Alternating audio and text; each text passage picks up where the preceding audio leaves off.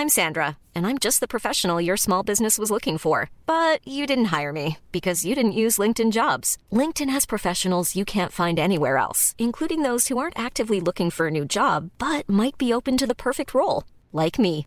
In a given month, over 70% of LinkedIn users don't visit other leading job sites. So if you're not looking on LinkedIn, you'll miss out on great candidates like Sandra. Start hiring professionals like a professional. Post your free job on linkedin.com/people today.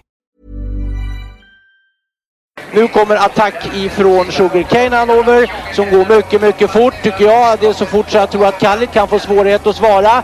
Sugarcane Hanover vänder ut och in på fältet. Startbilen är i rörelse till Svenskt travderby 1987. What the horse, what the driver, nummer ett McLobel och John D. Campbell. Maharaja la Suède, Maharaja s'est retrouvé, le retour, le comeback de Maharaja le 17 vid mina tillfällen. Jag trodde att det var en av de bästa hästar jag hade tränat för. Jag tolkades på vis. Jag behöver inte misstolka det längre. För det här är den bästa häst jag har kört och tränat någon gång. Dags igen. Det är tisdag och ett nytt avsnitt av Trottosports podcast. Det var så derbyvinnaren Hail Mary tuggade alltså ner Europas bästa häst, Brother Bill. Efter tredje spår i första sväng, dödens hästen i BC-kvalet där i söndags. Ja, ja, jag hade redan Jag, börjat, jag, jag, jag, vilar inte på hanen, jag tar det direkt. ja, jag, jag hade ju redan börjat fila på vad var det jag sa, såg ni och allting där och sen så bara på ett steg så då var Hail Mary två meter före och sen var det bara slut. Nej, det var verkligen en, en det var en väldigt blek prestation från ett stall som ju är i toppform. Så var ju Brother Bill fullständigt... eh, Nej, Han är inte bättre, inser det. Ja, han är i alla fall inte Europas bästa häst. Nej, inte ens. Europas bästa fyraåring. Eh, Ja, men då är min fråga till er när vi nu har konstaterat att eh, Brother Bill har en bit kvar eh, till att bli Europaetta. Om, eh, hur, hur ser ni på, på eh, oddset som Elitloppsvinnare på Hail Mary? 34 gånger. Är det något som man kan nappa på? Mm, ja, det är väl bara att kryssa i där och spela om du vill det. Men det, det, det ja, jag har inte funderat så mycket eh, på Elitloppet än. Eh, Nej, det, det är klart. det är ett spännande odds, ingen tvekan. Och vi kan ju hamna i en situation i maj nästa år att coronan eh, fortfarande förföljer oss. Och att det blir väldigt tunt med hästar från, kanske inte en enda häst från Frankrike. Och eh, överhuvudtaget tunt med hästar och då låter 34 gånger som ett bra. Frågan är då sprinterdistans. Mm, han är ju startsnabb. Ja. Okej, då tar jag tillbaka den frågan. Ja. men då ska jag spela en hundring idag faktiskt. Det var... Eh, Ja, om man ändå jämför med några andra här då. Vi, vi säger eh, Earl Simon 21 gånger. Ja, det- Eh, Atravesiamo 28 gånger. Taekwondo 22, ja, okej då.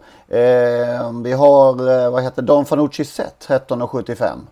Om man tittar i eh, hänseende till de eh, oddsen så känns det lite kittlande.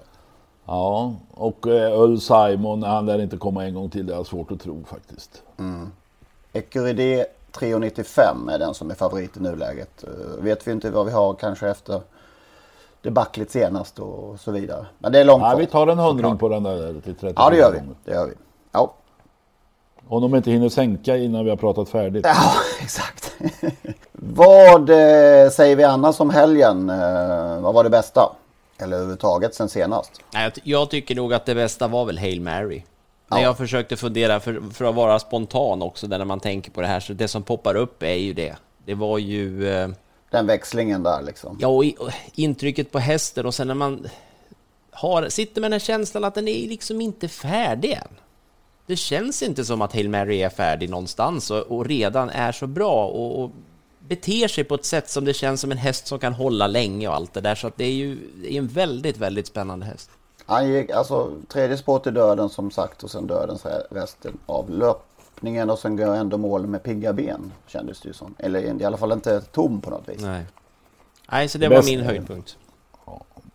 Ja, höjdpunkten för mig är utan tvekan. Jag lyckas av en tillfällighet hitta eh, den här utredningen heter den om eh, Kim Walls, eh, mo- mordet på Kim, journalisten Kim Wall hittade jag på SVT Play. Jag hade helt missat detta.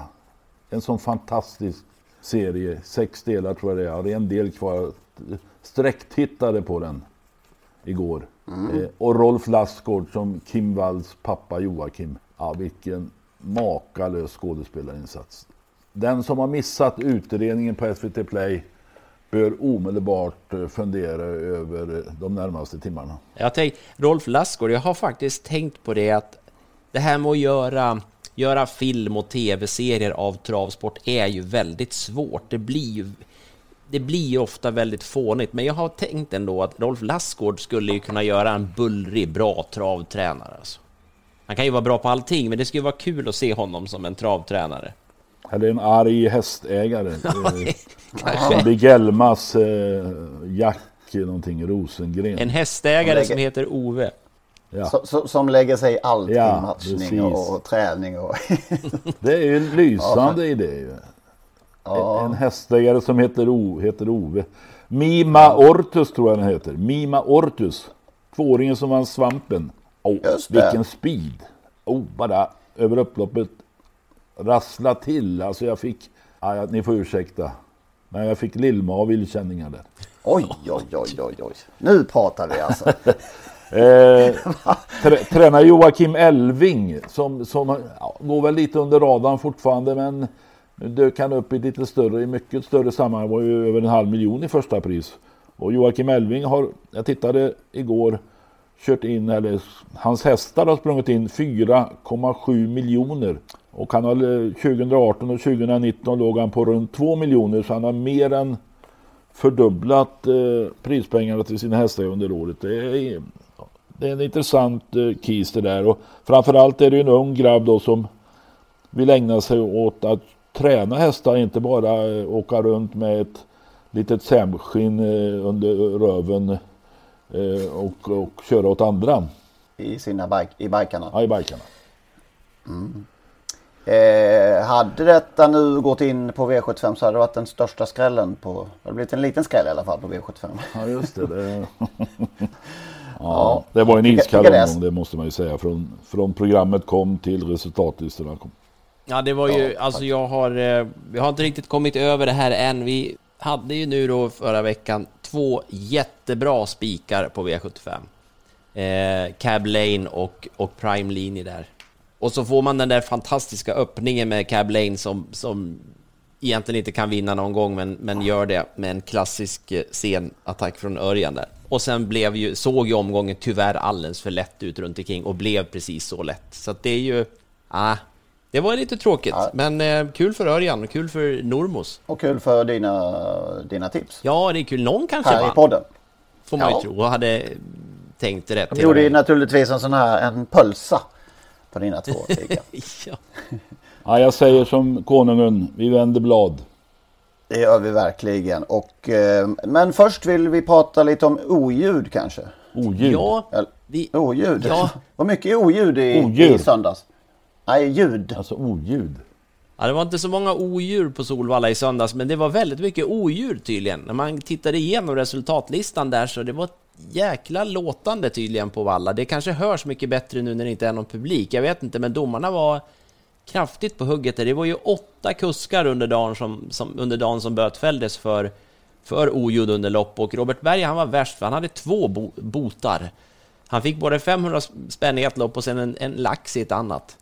Men Jeppsson var inte så dålig han heller. Han fick, han fick två 500 -ingar. Det där med oljud, är det ett, ett nytt påfund det där? Så jag kan inte minnas. Jag har varit på trav. eh, Jo men alltså när jag gick på trav när jag var ung då, då fan, fanns det var det någon som skrek i loppen och var det oljud verkligen? På 60-talet, 70-talet. Eh, Nej, då- då- ja. Varför har dessa ljud tillkommit? För att öka hästen, eh, få hästen att springa fortare. Men jag, jag funderar på det ibland. Eh, Tränar man med oljud? Vi har ju Stigås eh, klassiska bröl. Ja. Kommer inte ihåg Björn Linder som, som, Jo. som fattade att han skulle vinna Sprintermästaren när, när eh, Stig och bröla. Redan, i, redan in i sista sväng började han bröla. Då förstod skräcken att nu är det klart. Så nog fanns det nog någon, något, något oljud även då. Men det var ju så att höra på den tiden när det faktiskt var publik på banorna. Här finns ju skäl att eh, införa regel, eh, framförallt nu att mun, precis som i Frankrike, munskydd på. Just I det. Frankrike... Man undrar ju vad, vad skillnaden var på 500 och 1000 kronor där för, för Berg. Hur mycket mer det lät med, när han fick Ja, 1000. det Ja, är för väl det- prissumman kanske? Ja, jag, jag tror båda var ju i, i eh, British Crown semifinaler, där, men jag vet inte om man får någon sån här uppräkning då för upprepad förseelse redan Det så fick ju snabbt. inte Jeppsson. Det fick ju inte Jeppsson. Nej, det har du rätt i. Nej, då sa han någonting Ja, det decibelmätaren slog till där ytterligare en, en, passerade ytterligare en gräns alltså. Mm. Och det med Robert Berg undrar man ju om, om det var när han skulle få fart på, på Hail Mary eller när han skulle säga hej då bara till, till Brother Bill där. Jag vet inte riktigt.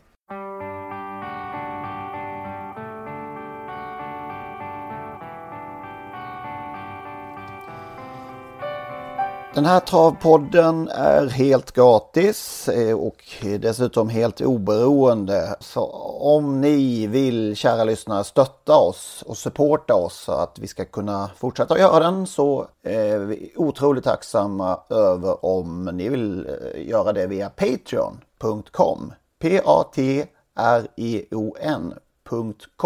Där går man in och Eh, donerar ett valfritt belopp för varje avsnitt som vi producerar. Då är vi eh, jättetacksamma. Det är så vi i så fall kan fortsätta att göra den här podden. Patreon.com och så går man in och klickar på Become eh, a Patreon. Så eh, klickar man sig vidare där och eh, donerar ett eh, fast belopp varje avsnitt. Tack på förhand. Tusen tack.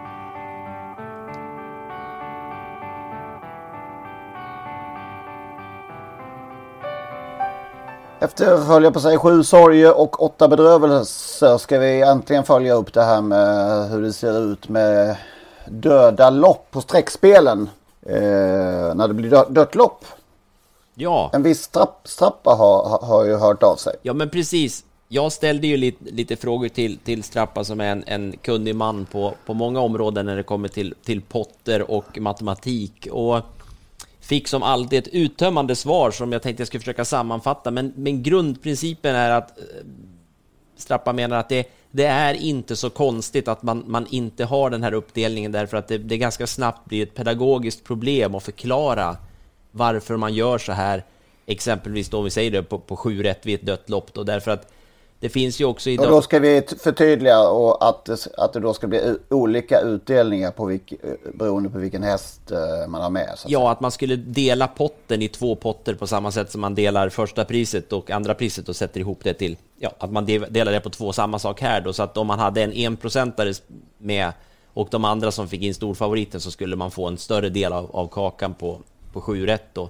Men som Strappa påpekar där så man kan ju, det finns ju en massa olika sätt att få sex rätt på också. Och då om man då haft det svåraste utfallet på sex rätt skulle man få mer pengar på ett sånt utfall också då, därför att det är liksom, eller i en, i en omgång där, där um, det inte finns någon som har um, sju rätt.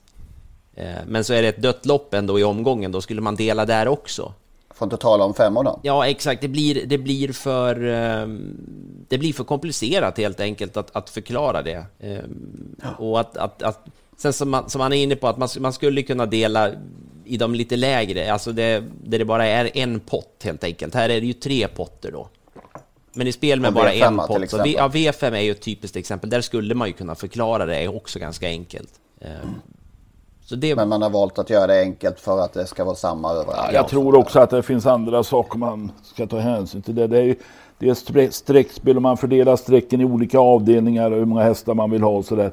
Eh, och det går ju inte ut på att få rätt i en avdelning utan det går ju ut på att få, som i V75, då, i sju avdelningar. Alltså. Då, nej, jag, jag, jag håller med Strappa självklart i det fallet och jag tycker man ska Ja, den här debatten är död egentligen för det, det, det, det blir för svårt. ja, då bestämmer vi det helt enkelt att vi, man behöver aldrig diskutera det mer. Nu har vi rätt ut det en gång för vi, alla. vi får säkert mothugg här nu. Det är vi tacksamma för. Strapp, men Strappa har rätt. Det, som, som ofta. Ja, rätt Ja, vet jag inte om man har, men det är ett klokt ställningstagande. Ja, Och då har han väl rätt då. men du, Exakt. apropå rätt och fel. Du hade fel, eh, Henrik. ja Nu har vi passerat den här Eh, måndagen.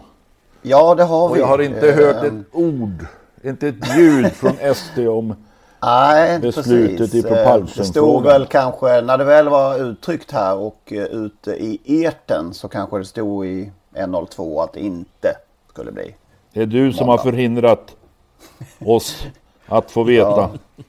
Möjligen. Men nu har, finns ett nytt datum. Kanske eh, med större säkerhet den här gången. Nu är det torsdag denna vecka. Alltså jag var helt säker på, egentligen, inte helt säker på, ganska säker på att det blir fredag eftermiddag sent. Jag tror det Magnus också. Ja, för att då, då liksom, då får det minst negativ publicitet i media. Veckan är på väg att ta slut. Eh, och så, så brukar då eh, mediastrateger göra att vi, vi lägger presskonferensen sent fredag eftermiddag för då är det ingen jävel som kommer. Eh, när du säger torsdag, det kan ju bero på att, att de här led, ledningsgruppen eller de som håller i det här vill vara lediga på fredag. Det är ju någon röd dag på lördag. Så vi tar långledigt och då lägger de det på torsdag. Mot mediastrategens råd. Och lite i sann Ja. ST-anda på något sätt då ju. Ja. Att inte gör som man ska. Ja, det ska, ja. Ja, det är. Torsdag eftermiddag, eller torsdag är det dags. Då får vi Är det veta. nya budet? Är, är det nya budet? Ja. Nostalgi-momentet den här veckan. Nu ska vi gå tillbaka långt i tiden. 1802, typ. Nej, inte riktigt. Men 1965 eh, lät det så här på Roosevelt Raceway.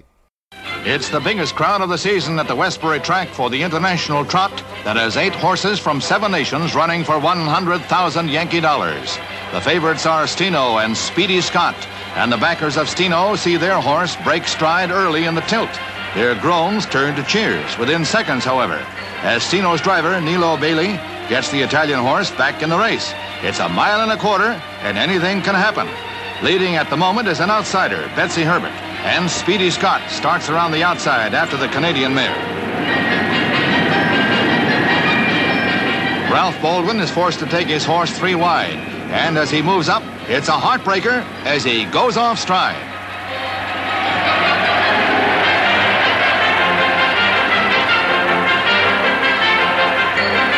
The crowd's cheers are still for the two favorites, but the backers of Pluvier third have their day. Watch the Swedish horse move out in the middle of the pack. He goes from fifth to third within a quarter of a mile as Gunnar Horton urges him home. The winning horse will trot to the bank with $50,000.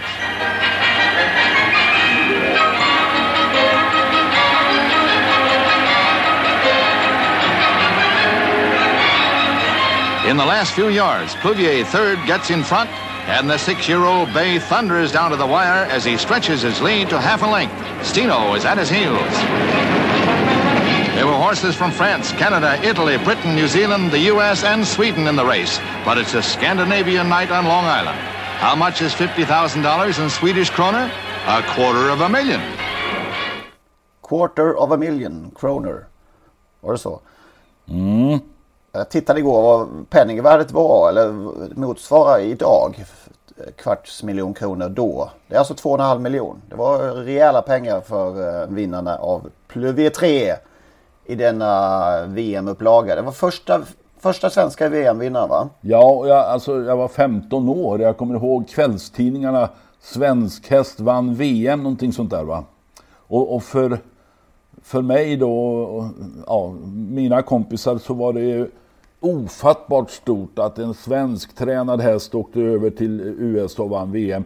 Sen eh, med, eh, i takt med åren så har man ju kommit på att det där VM-loppet kanske inte är så jävla stort som, som vi trodde, som jag trodde på den där tiden. Men jag kommer ihåg den här oerhört vackra bilden när, när man hade ställt upp den här Pluvier 3 med VM-täcket och Gunnar Nordin och Gösta Valentin med VM-bucklan och jag tror också att uh, Ulla-Britt, eller frun till Gunnar Nordin och skötaren Björn Svan var med på den där bilden. Och det var så läckert att se det. Det var, så, vackert, gult, eh, blått täcke.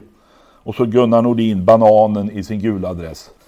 Alltså det var eh, en händelse som har etsat fast mig i alla år. Va? Det är nog som för mig och Magnus från 80-talet med Legolas och Kall, Kallit där eh, som vann. Ja, men då var VM-loppet avslöjat på något sätt. Det var inte så, jo det var väl bra ideal, jag såg de här Ursäkta. Vi tyckte att det var Ja, det, så, så var det naturligtvis. Den här eh, Ja. Pluvier 3 köpte ju eh, Gösta Valentinstall här, här nu ihop med PIM 3. 1960 var det nog. Eh, 15 franc ville de ha styck eh, och Lennart, eh, Val, Gösta Valentin var det, Lennart var brodern. Köpte båda för 25 000 kronor. 25 000 franc ska jag säga. Jag vet inte vad frangen stod om. Men det var en läcker häst Pluvier 3. 46 000 åskådare på Roosevelt Raceway i elljuset där den här. Ja, man kan tänka, det var det en lördagkväll. Ja, Var det tror jag det var. Utan att vara säker, men det var det alltid. Hur, eh, hur, hur liksom, vilken förhandskoll hade du på lo- loppet? Kommer du ihåg det? Nej, nej, det kan jag inte säga att jag kommer ihåg eh, på något sätt. Jag kommer ihåg efter börden där, när, när de här tidningsrubrikerna. Man visste ju inget på, på förrän på söndag eftermiddag eller söndag förmiddag där någonstans. eh. Så att eh, det hade jag ingen aning om faktiskt. Men eh, eh, ja, jag, jag säger det, det var så jäkla stort alltså. Sen fick man Vad var ju det för typ av häst eh, det här? stark. Vann Stark. Vann ju Åby Stora, läcker travare alltså. Det, och eh, jag minns också en bild, kom jag på nu, när han var skadad på UV3. Då var han eh, på rehabträning hos Olle Holm eh, i Gränsfors tror jag det var. Där han fick eh, dra harven på åkrarna. Jaha, just det. Det har jag också Det sett. har en- ni sett grabbar Ja. va? Får vi försöka lägga ut på, på något sätt på Ja, Om vi Instagram? kan hitta den. Ja, Sen blev han ju faktiskt en, en hygglig avsingst, Pluvier 3. Pamir Brodde. inte alls tokig. Nej, kriterievinnaren och Pamir Brodde var ju faktiskt eh, trea i VM-loppet bakom Ideal de Gasol Jorky. Plumone RS, mamma till Prins RS som sprang in nästan 5 miljoner. Kriterievinnaren i Oktonsund. Eh, Fara, Gunnar Nordins snabbast ord, och Opal H som jag tror, det här kan du bättre än mig Henrik, eh, vann ju derbyt 1975 och det är den mest överlägsna derbyvinnaren någonsin. Var han mer överläsning än Mustard? Ja, Oj, ja då var han överlägsen. det kan man säga. Han vann ju alltså, lite anledning till att vi pratade om honom var, ju att han samma år som VM-loppet vann CL My- eh, Memorial. Jag gillar inte det här CL Müller. Jag vill veta vad han heter Müller. Christian Lauritz Ja, Müllers. Christian Lauritz Müller. Alltså det där förenklat till CL Müller. Det är ett svek mot Christian Lauritz. Ja, eh, det missar aldrig Hans G att säga hela namnet. Ja, han ska en klok man. Han förstår värdet av vad Christian Lauritz Müller har gjort för Jägersro. Alltså CL. Ja, okej då. Anrikt lopp verkligen. Även om det har blivit, det har, eller även, det har blivit större och större genom åren. Det var inte så märkvärdigt under min uppväxt. Då var det lite sådär i skymundan. Men det har ju fått höjd status och, och också prissumma genom åren. Så nu är det ju, ja det var väl uppe i en halv miljon men då har det nog sänkts till 400 000 igen. Är det 400 Ja, det 000 är ju- nu alltså på lördag? Ja, ja det är det. Det är han värd tycker jag, Christian Lauritz. Ja. Annars är ju Delicious älsklingsvinnaren av detta lopp när hon eh, gick världsrekord, för, världsrekord eh, i, för fem år sedan är det väl, 2015 tror jag var när hon speedade runt fältet. Det sätt som bara hon kan. Legolas vann 83. Tarock 1978. Madison Avenue, världens finaste namn genom tiderna som vi kom fram till förra veckan, 1979. Och 85, Speedy Gaxe. Ja, du ser. Det kanske de kanske får dela på den där gatan, vägen i Örebro, Speedy och Express, Gaxevägen.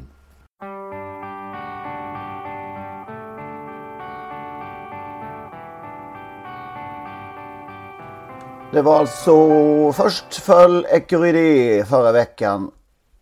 Och den här helgen Facetime Bourbon. Vad är det som händer i Trav-Europa? Ja, det är som Olle Goop brukar säga, trav är trav. Och, Vad hände? eh, Det såg inte som bäst ut. Eller? Nej, det, alltså det kan man absolut säga. Efter försöket och även när hästarna var på väg till start i försöket så såg han eh, dålig ut och galoppen kom därför inte säkert överraskande. Sen kom han ju tillbaka och vann hur lätt som helst. Men eh, när man eh, tittade strax efter mål då när han började jogga hästen så såg han ju rasslig ut utan tvekan. Och såg väl inte helt perfekt ut heller i finalen. Sen, sen blev jag aldrig klok på varför de valde spår 4. Men kanske var det så att 2 och 3 var upptaget och de inte ville ha ett. Men spår 4 blev ju dödens väntrum på något sätt. Han hamnade ju i kön. Mm. Så att, Ja, ett, ett är väl inget bra spår i startrusningen. nej, jag vet inte om det, om det var enda alternativet. Jag, vet, jag, jag såg inte lottningen. Men det blev i alla fall på 4 och det blev inget bra. Och då hann han ju inte ifatt vinnaren. Nej, han gick ju, han gick ju som den topphäst han är där när Björn väl attackerade, men det var ju ett omöjligt, eh, omöjligt lopp att vinna från den positionen. Men det ser man, de, de Ecurydé växer inte till himlen. Full, nej, det är trav är trav som sagt. Eh, och, och säsongen blir, eh, säsongerna blir ofta långa för, för vissa hästar. För de flesta. Mm. Och Det blir nog det är bara paus? Bergs hästar som växlar upp när hösten kommer med Power och, Hail Mary och sådana där. Eh, men ja, eh, nu vet jag inte vem som är Europas bästa häst eller världens bästa häst. På andra sidan eh, Atlanten förlorar ju också eh, Åke Svanstedts eh, stora tvåårsstjärna. Eh, Captain Corey heter han så. Så att stjärnorna faller ibland. Ja, de har hittat vatten på månen. Det är mycket konstigt som händer överhuvudtaget, så vi får nog eh, acceptera att även hästar inte är... Jag läste igår att, att eh, trolig start eh, Axel Jensens minneslopp på Bjerke då, det var V75 om, om det kanske, men då skulle troligen Frode Hamre köra själv. Mhm. Ja, Ecurydé. Ja. Ja, just det. Det är, ju, är det inte någon V75 omgång på, på Bjerke snart? Jo, så är det ju. Men hur ska det gå till? Jag fattar inte detta. Hur ska svensk, svenska kuskar måste ju åka dit eh, veckor i förväg och sitta i karantän? Det verkar inte hjälpa ändå va? Westerholm, han fick ju inte köra till slut trots att han hade testat sig, inte vet jag, minst två gånger så fick han ju inte köra i alla fall till slut. där. Nej, och då innebär det att inga svenska kuskar kan åka dit och köra. Kan ju bli kul i och för sig. Ja, ju rätt det. Då blir det ju en helt norsk V75 om det. Ja. Det där verkar vara en... en och, och den här pandemin lär ju inte stanna av och nu, nu tar de ju till ytterligare restriktioner i Norge. Man får inte träffas med fem personer på ett hemmakalas till exempel. Nu är vi framme på... De börjar sina. De börjar sina. Obehagligt. Vad fan ska vi göra sen? Ja, O, o och P har vi nu. Eh, här finns det godbitar tycker jag i alla fall. Vem vill börja? Ja, det är eftersom du eh, verkar så entusiastisk. Nej, jag, jag, börjar på, jag börjar på P då. Så tar Nej, någon o, annan. Ska vi inte ta O i... Jo, men jag, jag börjar på P så får någon annan starta Jaha, på... så, ja, ja okej. Då får Magnus starta på O.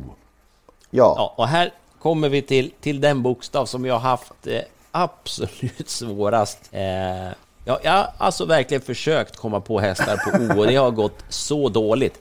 Därför är det helt ofattbart att den enda hästen jag har kommit på är jag väldigt nöjd med att den poppade upp. Därför att jag har ju återkommit ofta till det som är, de här tidiga hästarna, de här som man på något sätt lärde sig, började lära sig om trav med, därför att de var frekvent förekommande och då på den tiden var det ju det enda man kunde titta på då när man var så liten som jag, det var ju Tipsextra sändningarna där och då fanns det ju en häst som hette Onyx Chateau. Mm. Min, minns ni den? Ja. Karl-Henning Wallberg. Ja, du ser, jag behövde lite hjälp här för att jag jag minns liksom inte så mycket mer än att jag tyckte om hästen mycket och sen kom att det var ett så fint namn. Och den sprang ändå in 770 000 på den tiden, för det här är ju tidigt 80-tal. Ja. Nej, det är en sån här häst som, åh, jag skulle vilja... Jag förstår om det inte någonsin dyker upp lopparkiv med Onyx Chateau, jag kan förstå det, men det skulle vara så kul att få se de här igen, Mm. tycker jag. Det är ju eh, en travhistoria skulle vara fantastiskt roligt att uppleva. Så det, det är så här, det är den enda hästen på O som jag kunde komma på. Ja. Då kör vi. Ja, varsågod. Jag avvaktar i Ja, kön. men jag har några goa här tycker jag. Den, den, den självklara är ju Orasi. Men det hade väl du Lennart? antar Ja, men den tog ju du nu, så då finner jag mig Ja. i detta. Ja, Fyr, Orasi. fyrfaldig Prix d'Amérique-vinnare. Vinnare av Åby Stora Pris eh, för att ta några lopp. Ligger oerhört bra i munnen också. Orasi. Orasi. Jag vill bara flika in att den hade jag, den hade jag också kommit på. Jag vill säga det så att jag inte är helt tappad. Alltså Orasi och så tränaren och kusken Jean-René Gauchon. Ja. Jag döpte faktiskt en häst en gång i tiden som vi ägde ett gäng som, eh, till just Gauchon. Eh, nej men alltså, ett par goa eh, svensktränade. Och Pitergium. Det gillar jag namnet. Ludvig Olginis. Eh, och sen sprintermästaren Orecchietti. Denna mm. pastasort som Orecchietti ju är. Nu klingade det till i min kassa där Henrik, för att den hade jag faktiskt spelat att du skulle ta. ja, Okej, okay. alltså där ja. Jag spelade honom i finalen av Sprintermästaren, kommer jag ihåg faktiskt. Eh, sen har jag en gammal Håkan Wallner-häst som heter Otka. Ja, Håkan Wallner, eh, okej. Okay. Var det inte? Jo, då, det blev Håkan Wallner och Gunnar Nordin innan. ah, okej. Okay. Du, du kan det där bättre. Absolut. Eh, eh, omväg gillar jag. Ja, den är fin. Ja. Uppfödd av bland annat Roland Corsar faktiskt. 84, 8 segrar på 84 starter och tjänade 456 000 på 80-talet. Omväg. Eh, sen måste jag avsluta med Oskar Kindle SL. Bara för att det var mitt, det är inte så inget, inget extra namn kanske, men mitt, det var mitt första utlandsuppdrag på ronden. Var det Simanjelli? Och Simanjelli 2001. Var det dött lopp sol... eller? Nej, han vann ju med den minsta nosen som någonsin har upp... Det var dött lopp. Ja, det var det kanske. Knight. Va? Men Scarlet Knight fick nådiga nicken och det var jag så tacksam för.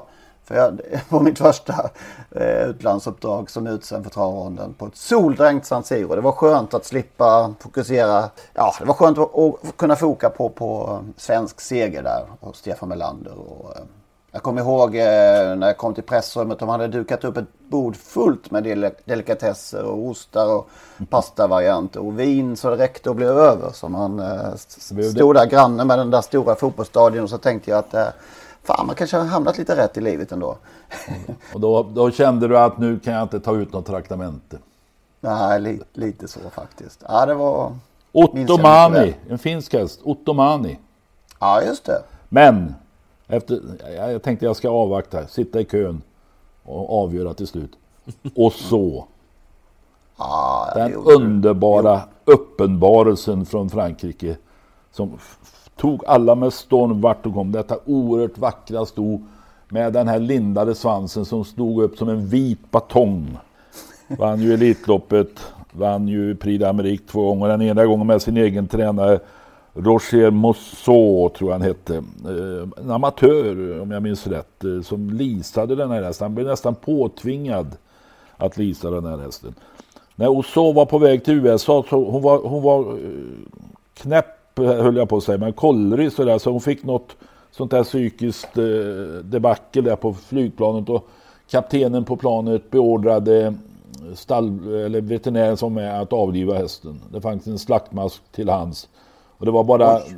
alltså, ytterst nära att hon, eh, att de tvingades avliva henne. Men hon, hon eh, lugnade ner sig. Och det gick bra så hon kom över Atlanten. Ja, det var en så läcker varelse, uppenbarelse som någon skrev. Mm. Var det tomt? Ja, vi kan ju inte hålla på med O hur länge som helst. Hon var, Nej, du... hon var dessutom ja. som tre och fyraåring bra både i monté och framför sulky. Då kör jag på P. Här har vi grejer. Mm. Så, så, det står härliga till. Eh, jag börjar med ett par givna, eller givna, men, men det som jag gillar. Pine Dust eh, gillar man ju. Eh, vann ju Oaks eh, samma år som From Above vann kriteriet va. Så Stefan Hultman fick sin dubbel där. Eh, Piper Cub. Mm. Diggo Johanssons eh, stjärna. Av alla dessa eh, superstar han har haft inom åren. Eh, och då måste man lägga till Peace Corps också. Det är ett vackert namn. Peace Corps. Min första favorithäst. Den mest givna i hela det här spektrat. Ett svart sto på Kalmartravet i början av 80-talet. Pias Proffa. Ett sto efter The Prophet och Lars Högström körde i sin dresskopia av den här Stigos Sabis-dräkt. Han hade exakt likadan nästan. Eh, det var den första gången jag kände mig duktig på en travbana. Eh, från den ena söndagen till den andra hade lärt, eller liksom hade spetsat in mig på nästa gång ska jag spela PS Poffa. Nästa gång hon startar. Och så var jag där söndagen efter och då vann hon till 15 gånger. Så känner jag mig, här kan man, kanske man kan lite av det här. Bör lära sig lite. Ja. Pion! Åh, oh, denna ytter... Har det funnits någon mer startsnabb svensk häst än Pion? Nej, inte många. Inte på den tiden i alla fall. Och mycket vackert namn ju. Pont Neuf. Ja, just kriterievinnaren. Ja. Sen hittar jag, eh, på tal om Pluvier 3, hittar jag Pluvien. Efter Pluvier 3. Pluvien. Pont, det ligger ju fantastiskt i munnen. Pluvien, ja. Pont Neuf där, den är ju döpt efter eh, den äldsta bron som går över Seine. Som de började bygga 1578. Mm, och uppfödare eh, och ägare var ju, om jag minns rätt, Stig H Johansson och Ingmar, As- Ingmar Andersson på Lassagården i Vara tillsammans. Mm. Kriterievinnaren. Sen finns det många hästar som har hetat poesi genom åren. Men det, det, det här slår det här. Poesia. Poesia. Otroligt eh, snyggt. Och sen vill jag avsluta med ett namn som det finns mycket kring. Eh, mycket dramatik, mycket eh, sto, stor händelse. Podgorica. Ja, ja just det. Just. Eh, så Solvalla-mordet 4 februari 1998 när Dragan Joksovic sköts ihjäl av den här Janne Raninen. Eh, och Joksovic var alltså ägare till den här framgångsrika hästen Podgorica. För att det var ju där han var född och uppvuxen. Jag lämnade snabbt restaurangen. eh, Jag satt 30 meter ifrån när det small där och det blev stor uppståndelse. Jag tog mitt pick och pack och med snabba steg gick längst ner på stallbacken och gömde mig i Stig och Johanssons stall på hans kontor där. Eh, Det var en... eh, Jag tänkte det här kan bli skjutningar till höger och vänster. Här gäller det att fly. Bättre fly än illa fäkta. Eh, Ja, ja jag ger mig där. Ja, du nämnde aldrig Pershing. Nej, det gjorde jag inte. Och du nämnde inte Pine Chip.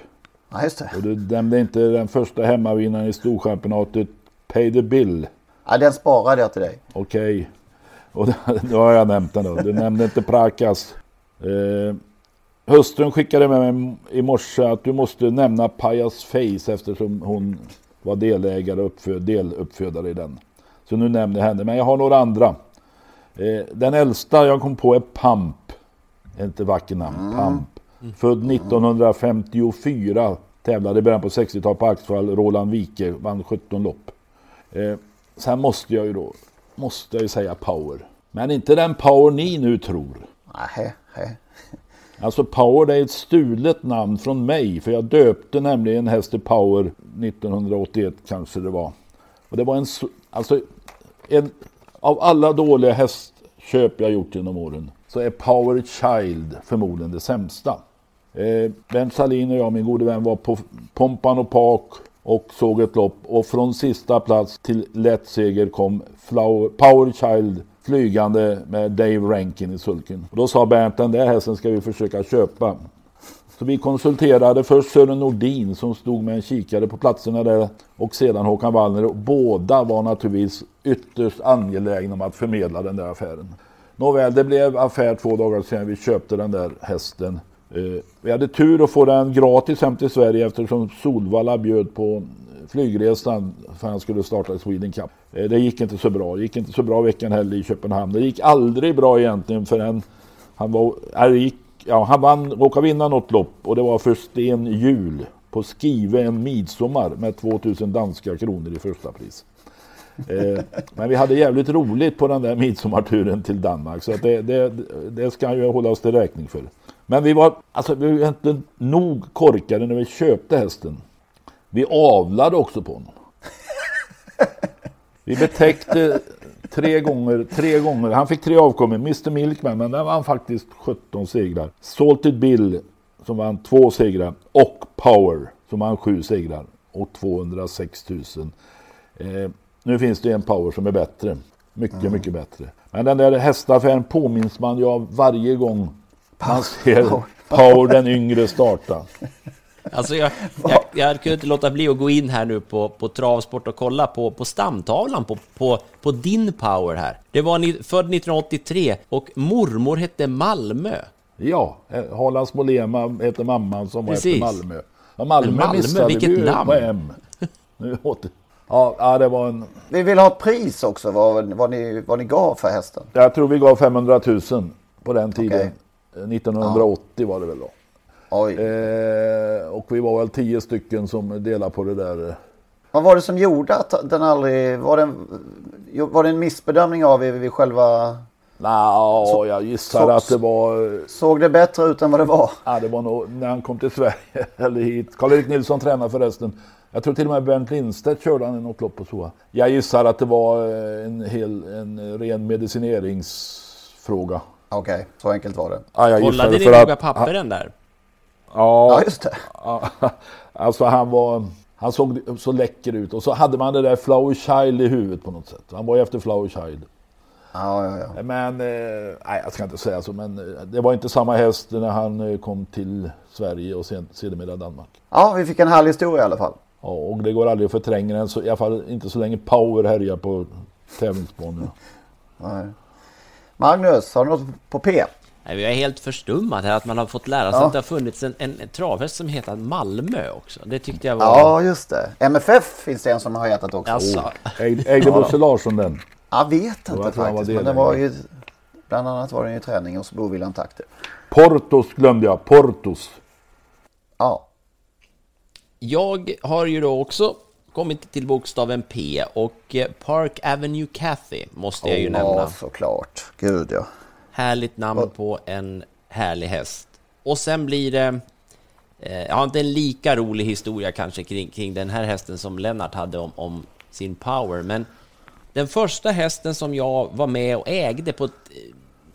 Man kan väl verkligen säga att det var på ett hörn eftersom det var min mamma som, som köpte en liten andel i en häst som heter Posido Song. Eh, en häst som, som det är ju, man blir gammal, man glömmer. Men Jim Frick hade i alla fall en i träning under en, en relativt lång period och vann, eh, om jag minns rätt, faktiskt V65-lopp. Och definitivt så vann han ett V5-lopp på Romme var Charlie Mills-kvällen 2000...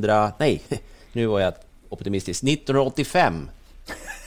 Så jag fick in min första, min första V5 faktiskt och eh, som jag tippade utifrån att sitta och läsa Rolf Sonneklevs tips i Dalademokraten. Det enda jag hade framför mig var hästnamn och sen hade man de senaste fem starterna bara med som det såg ut liksom. Det var ju bara tecknen där, placeringarna och eh, där jag liksom använde en otroligt avancerad videokoll därför att jag, jag kom ihåg, eh, Frick skulle köra en häst som heter Spike Ego och eh, jag hade tittat, jag, man älskade ju att titta på de här loppen man hade på VHS, jag tittade ju på dem hela tiden. Eh, så jag hade sett ett lopp bara för två veckor sedan då, som ett lopp som var ett år gammalt, men då satt Spike Ego fast i ett V65-lopp med Olle Goop. Och så där kommer han till Romme, det måste ju vara en ruggig skillnad i klass. Så det var min ena spik och så spikade jag på Sido Sång också då. Och så fick jag in, eller jag skulle lämna in den här, men jag hade ju, det var 32 spänn det skulle kosta. Jag hade inte 32 kronor. Så frågade jag mamma och pappa, kan, om jag får låna 10 kronor av er då och sen så satsar ni de andra 11 var. och så lämnar vi in och vi åker dit och jag kan säga att jag hade med eh, Tommy Hané vann med en häst som heter First Surprise. Han hade bara nollor i raden. Men jag tänkte, det är en häst från Solvalla, det måste ju vara klockrent. Så den, den ska jag ha med då, och den vann ju nu då. Eh, om den här V5 man går in eh, och när sista, sista V5-avdelningen går i mål, jag tror att det var Dan Columbo med Johnny Takter faktiskt som vann det sista loppet där. Då bara ställde jag mig upp på läktaren med näven upp i luften och det pratade min, min mormor om i alla år. Hon satt med där på läktaren och pratade. Jag tänkte du ställde dig upp och bara... Så både farmor och mormor har fått vara med mig när jag har vunnit. Men det gav 6300 spänn tror jag, på 32 kronor.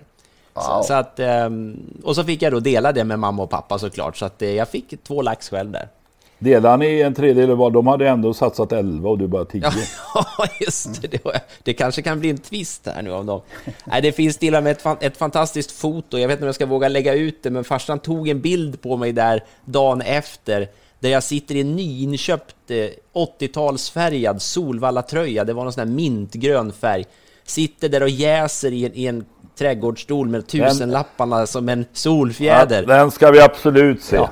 Och när, när då detta foto, sen, som på den tiden, man, man tog ju bilden och så tog det ju ett tag innan bilden kom. Och när bilden kommer, jag hade ju längtat efter den här bilden, för den här skulle jag ju liksom göra något med. Då upptäcker vi att jag har gylfen nere. Ja, ja, vi står ut med det. Men nu finns Photoshop, så jag kan, jag kan dra upp gylfen. Och, nej, men jag ska leta på den bilden. Men på sidosång, eh, eh, många roliga minnen kring den och också det, den hästen faktiskt som, det här var ju långt före databaser och datorer på det sättet, men jag var ju, hade fått en stambok. Så att jag var ju väldigt intresserad av att lite lära mig det här med avel, så att jag tejpade ihop en massa A4-ark och ritade upp en jättestamtavla där jag liksom försökte gå tillbaka långt i historien med hjälp av en ny stambok som jag hade och så fick jag en, en gammal då. Och, och ja, det var en stor, den satt uppe på väggen som en stor plansch då och jag hade den uppe i flera år. Det var en slags släktforskning där. Jag lärde mig många hästnamn på, på, tack vare Posidosson. Han var efter Lullwater Song, eller Lullwater Song. Jag fick ett sms just. Jag fick ett sms just. Så att, ja. Om ett hästnamn som vi inte får glömma. Jaha, mitt live alltså. Pullemjott. Pullemjott. Ingen... Ringer, ingen, ringer ingen klocka överhuvudtaget? Ni är totalt historielösa mina herrar. Pullemjott. Hästen som tappade skorna som storfavorit. I... Spelkuppen i Gävle. Det får ni läsa på. Det kan vi läsa okay, på till okay. nästa vecka. Ja, den måste, det är ett separat kapitel, ett avsnitt. Det måste vi ju göra. Ja. Sen denne vänlige man, Hasse Svenhed, har också påpekat, eh, eh, skickat med några kallblod som vi nu nämner. Pavin, Padex och framförallt Paddock. Men Pullemjott, den här gråskimmen. Ja, jag ser det framför mig. Ja, vi tar det nästa ja. vecka. Pullemjott, glöm inte detta nu. Nej. Läs på under veckan och återkom. Jag ska runda av den här P-sektionen med, med eh, en slags bevis på hur traumatisk den här programpunkten har blivit för mig. Därför att i natt klockan ett så bara vaknade jag av att jag hade kommit på ett namn på P. Det är inte klokt egentligen. Jag, jag, jag alltså, vaknade till så här, oj! Magnus, det var inte meningen att det skulle bli så här. nej, nej. nej, men jag har alltid ett litet anteckningsblock på nattduksbordet. För jag vaknar mitt i natten och kommer ihåg hästnamn. Och, ja, vad skönt, och när, jag, när, jag, när jag somnar om och vaknar igen, då har jag glömt av det där hästnamnet. Men då finns det antecknat i min lilla bok. Exakt så resonerar jag också. Där fanns inte Pullemjott. Hur i hela friden kunde jag missa detta? Pullemjott. Ja, det är fantastiskt. Stig och Nilsson det... körde. Ja, vi måste, ägaren måste blev väl ensam på v, V5 tror jag. Tack vare att han som storfavorit gjorde bort sig, tappade skorna. Råkade. Ja. Jo, hästen som då kom till mig i natten. Pilo Pirat, kallblod. Tage Engdahl i, från Krylbo. Ah, du, du är i dina trakter såklart. Ja, precis. Men det är inte så. Det är inte, nu har jag inte plockat fram någon sån där Nisse på åkern som knappt någon minns, utan Pilo Pirat var ju en, en profil på, på banorna, i alla fall i Mellansverige. Eh, han sprang in 760 000 kronor. Eh, mm. Han var ju född 1980, så det här är ju en, en bit tillbaka i tiden då, men, men eh, ja, en, en, ett härligt ekipage. Jag vet inte nu, Tage var ju tränare hela tiden. Eh, men, men alltså den här hästen som mot slutet av sin karriär så var inte så betrodd noterar jag här. Han stod liksom sista fyra starterna han gjorde stod han i 130, 450, 112 och 136 gånger. Så han tävlade ända in mot slutet som 15-åring. Men Pilo Piraten, jättehärligt kallblod. Kom till mig i natt alltså. Så är det.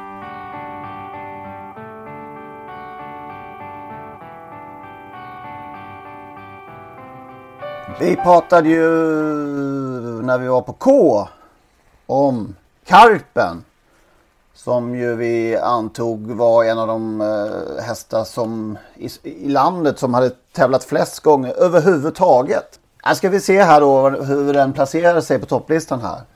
S-Express 471 starter. Lisstjärn 430. Nej, Lisstjärn. Lisstjärn. Raska Brun 425. Plurus 397. På femte plats Brimsgutten 395. Stenvin 392. Säterbäst 382. Popidor 374. Solojal 365 och på tionde plats Rippen 350. Han var inte ens med på de 10! Det är otroligt ju. Ja.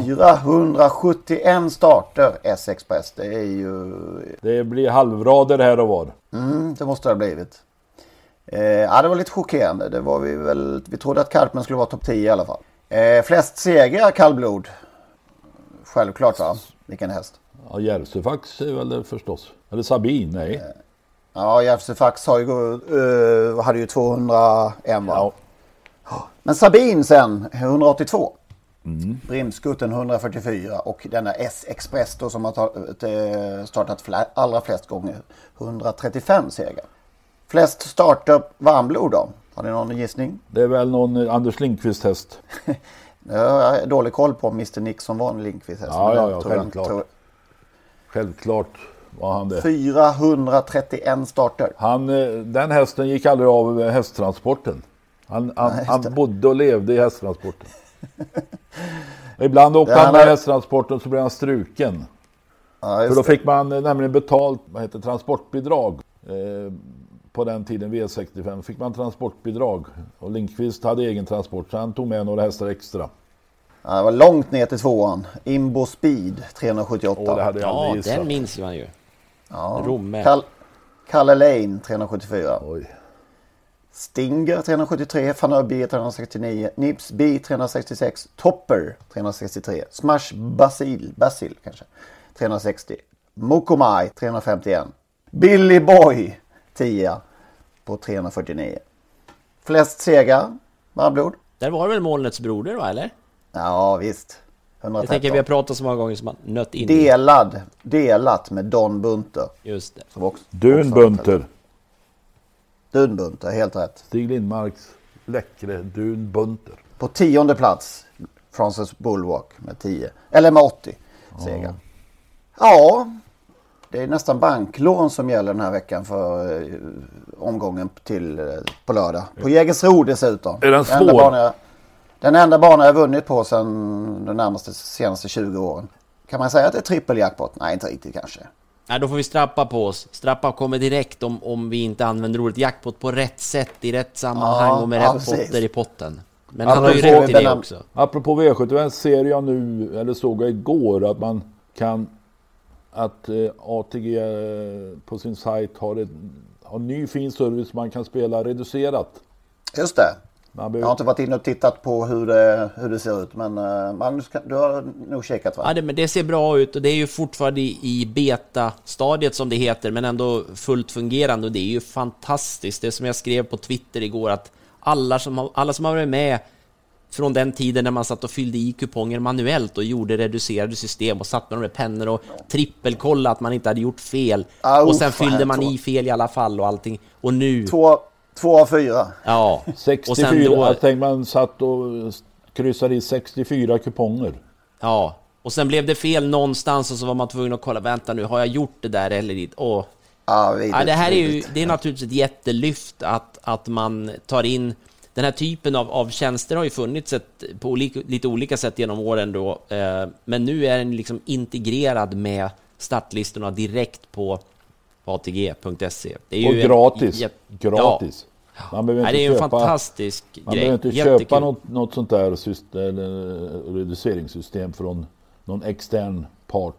Nu, kan vi, nu har ATG bistått oss med detta. Briljant! Eh, vad kom vi fram till? Det är i alla fall pott, extra pengar från sex och femrättspotterna i lördags och från femrättspotten i söndags då.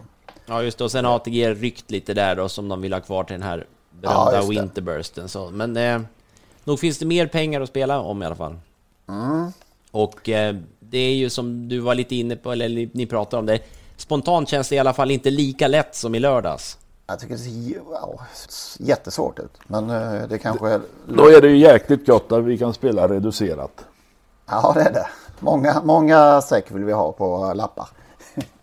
Ja, precis. Eh, och ska man då försöka att lyfta fram två, att hitta två sådana där kul spikar igen då den här veckan hade ju varit, eh, det kanske är mer värt att göra det den här veckan då. Och då Mm. tänker jag, det här med att spika i första, det är ju alltid spännande. Speciellt när det blev som i Oh. lördags, när man satt och bet på naglarna tills det var 50 centimeter kvar av loppet. Eh, och det går vägen då. Men jag tänker mig en, eh, faktiskt en spik, och det är väl åt chansspikshållet kanske, men i V751. En häst som, som har gått under radarn hittills egentligen i hela sin karriär, men ändå sprungit, tycker jag i alla fall, un, och, och sprungit in nästan en halv miljon. Det är Svante Båths Gasoline Meras, som eh, jag tycker gör det bra i princip varje gång, eller gör det bra varje gång, och eh, har ett bra läge nu.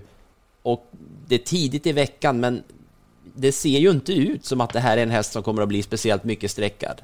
Det, jag tycker det ser konstigt ut, men just nu ser det inte ut så. Men vi spelar in det här tisdag förmiddag, så att det kan vara. Men nummer tre, Gasoline med Russ, är, är min, min ena idé i omgången. Och eh, sen kommer ju en, en av mina favoriter ut efter en månads eh, vila och en väldigt blek insats i en, en V75-final då. Eh, Sap di Falco kommer tillbaka i silverdivisionen och eh, nu förutsätter jag att Björn Goop har fått ordning på den här italienaren och då i en ganska blek silverdivision tycker jag.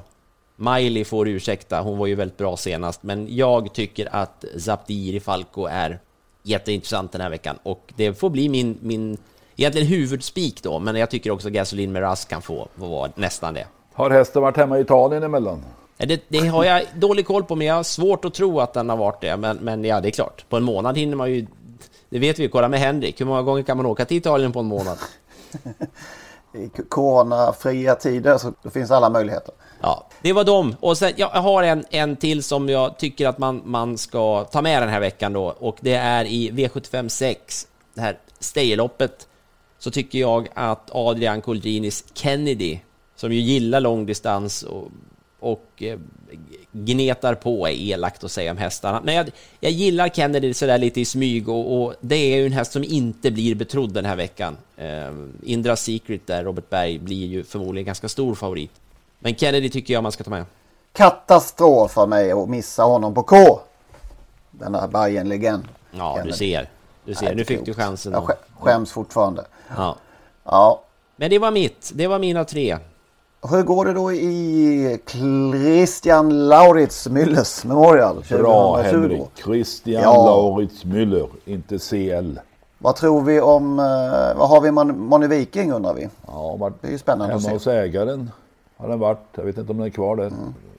Tveksam, alltså det är svårbedömd form. Eh, Verry Kronos var Europas, en av Europas bästa hästar för ett par veckor sedan. Mm. Borde han ju vinna det här. Ja, så är det ju va. Men det, kan ju, det där växlar ju varje vecka vem som är bäst i Europa eller bäst i världen. Ja, ja det där är ju spännande. Cyberlane, Verry Kronos, Velvet Gio. Fjolårsvinnaren av löpningen. Ja. Eh, så har hemma hästen Racing Mange och den här Wild Love. Är ja, det, ja. ja, det är lång, långsökt därifrån kanske. Ja, från Sport 12. Det var lite trist. Den var ju fantastisk när den vann senast. Ja, mm. vilken, vad fin hon är. Vad, vad, det där undrar man, det är också sådär. Var är botten på, på Wild Love? Hon, hon eh, utvecklas ju fortfarande. Så att det där är, men som sagt, det blev ett väldigt tråkigt läge. Det, det här känns loppet som att man undrar lite grann, vad, vad gör mm, Johan Untersteiner här? Kör mm. han till ledningen och släpper till Verry Kronos eller tänker han köra i spets? Mm. Känns lite avgörande tycker jag. Ja, kul eh, upplaga i alla fall av Christian Lauritz Müllers. Låt mig skicka med, alltså jag har ju egentligen munskydd när det gäller sånt här. Borde ha munskydd.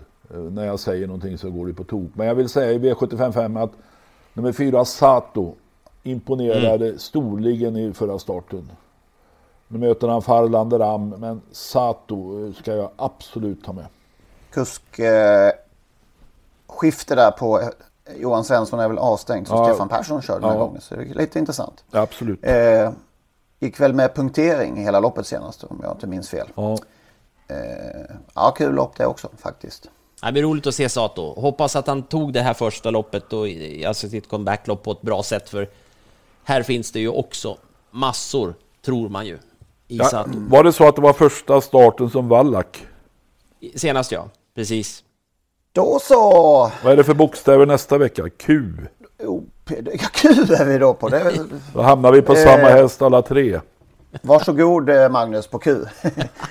det blir en, en hel vecka med, med drömmar på. Jag har, har en redan klar i alla fall. Den har ja, jag haft ända sedan vi började, så det, den har ni väl också. Vi får se. Spännande. Jag har, också en, jag har faktiskt också en klar där. Men det, den har inte ni, det kan jag säga. Vi hörs om en vecka igen. Ha det gott. Och snart kommer en Instagram-bild på eh, Magnus Ståhlberg när han är hur många år? Eh, jag är ju bara 14 år där. Men nu, ja, öppen jul så tidigt. Ja. just det. Strax ut i eten. Hej, hej. Hej, hej, hej.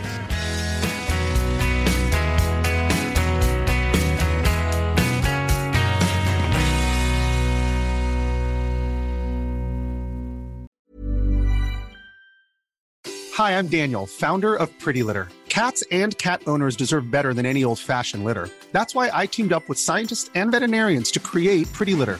Its innovative crystal formula has superior odor control and weighs up to 80% less than clay litter.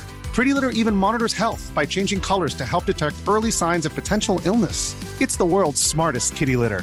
Go to prettylitter.com and use code ACAST for 20% off your first order and a free cat toy. Terms and conditions apply. See site for details.